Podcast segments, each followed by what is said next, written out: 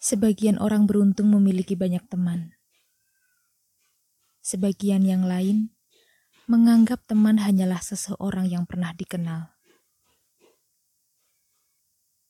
Saya termasuk itu. Ketika kecil, saya bermain dengan semua anak di lingkungan saya. Saya kira saya punya sahabat saat itu.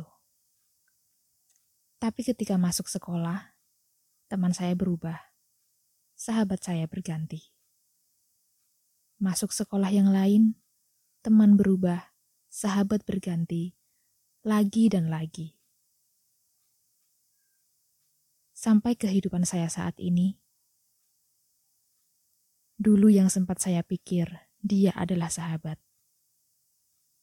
Tidak ada. Teman adalah tentang waktu Ketika waktu saya bersama mereka habis, maka persahabatan juga sampai di situ.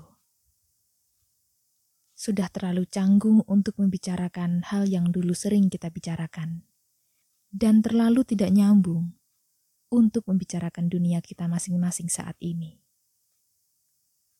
Waktu yang menelan semua temanmu.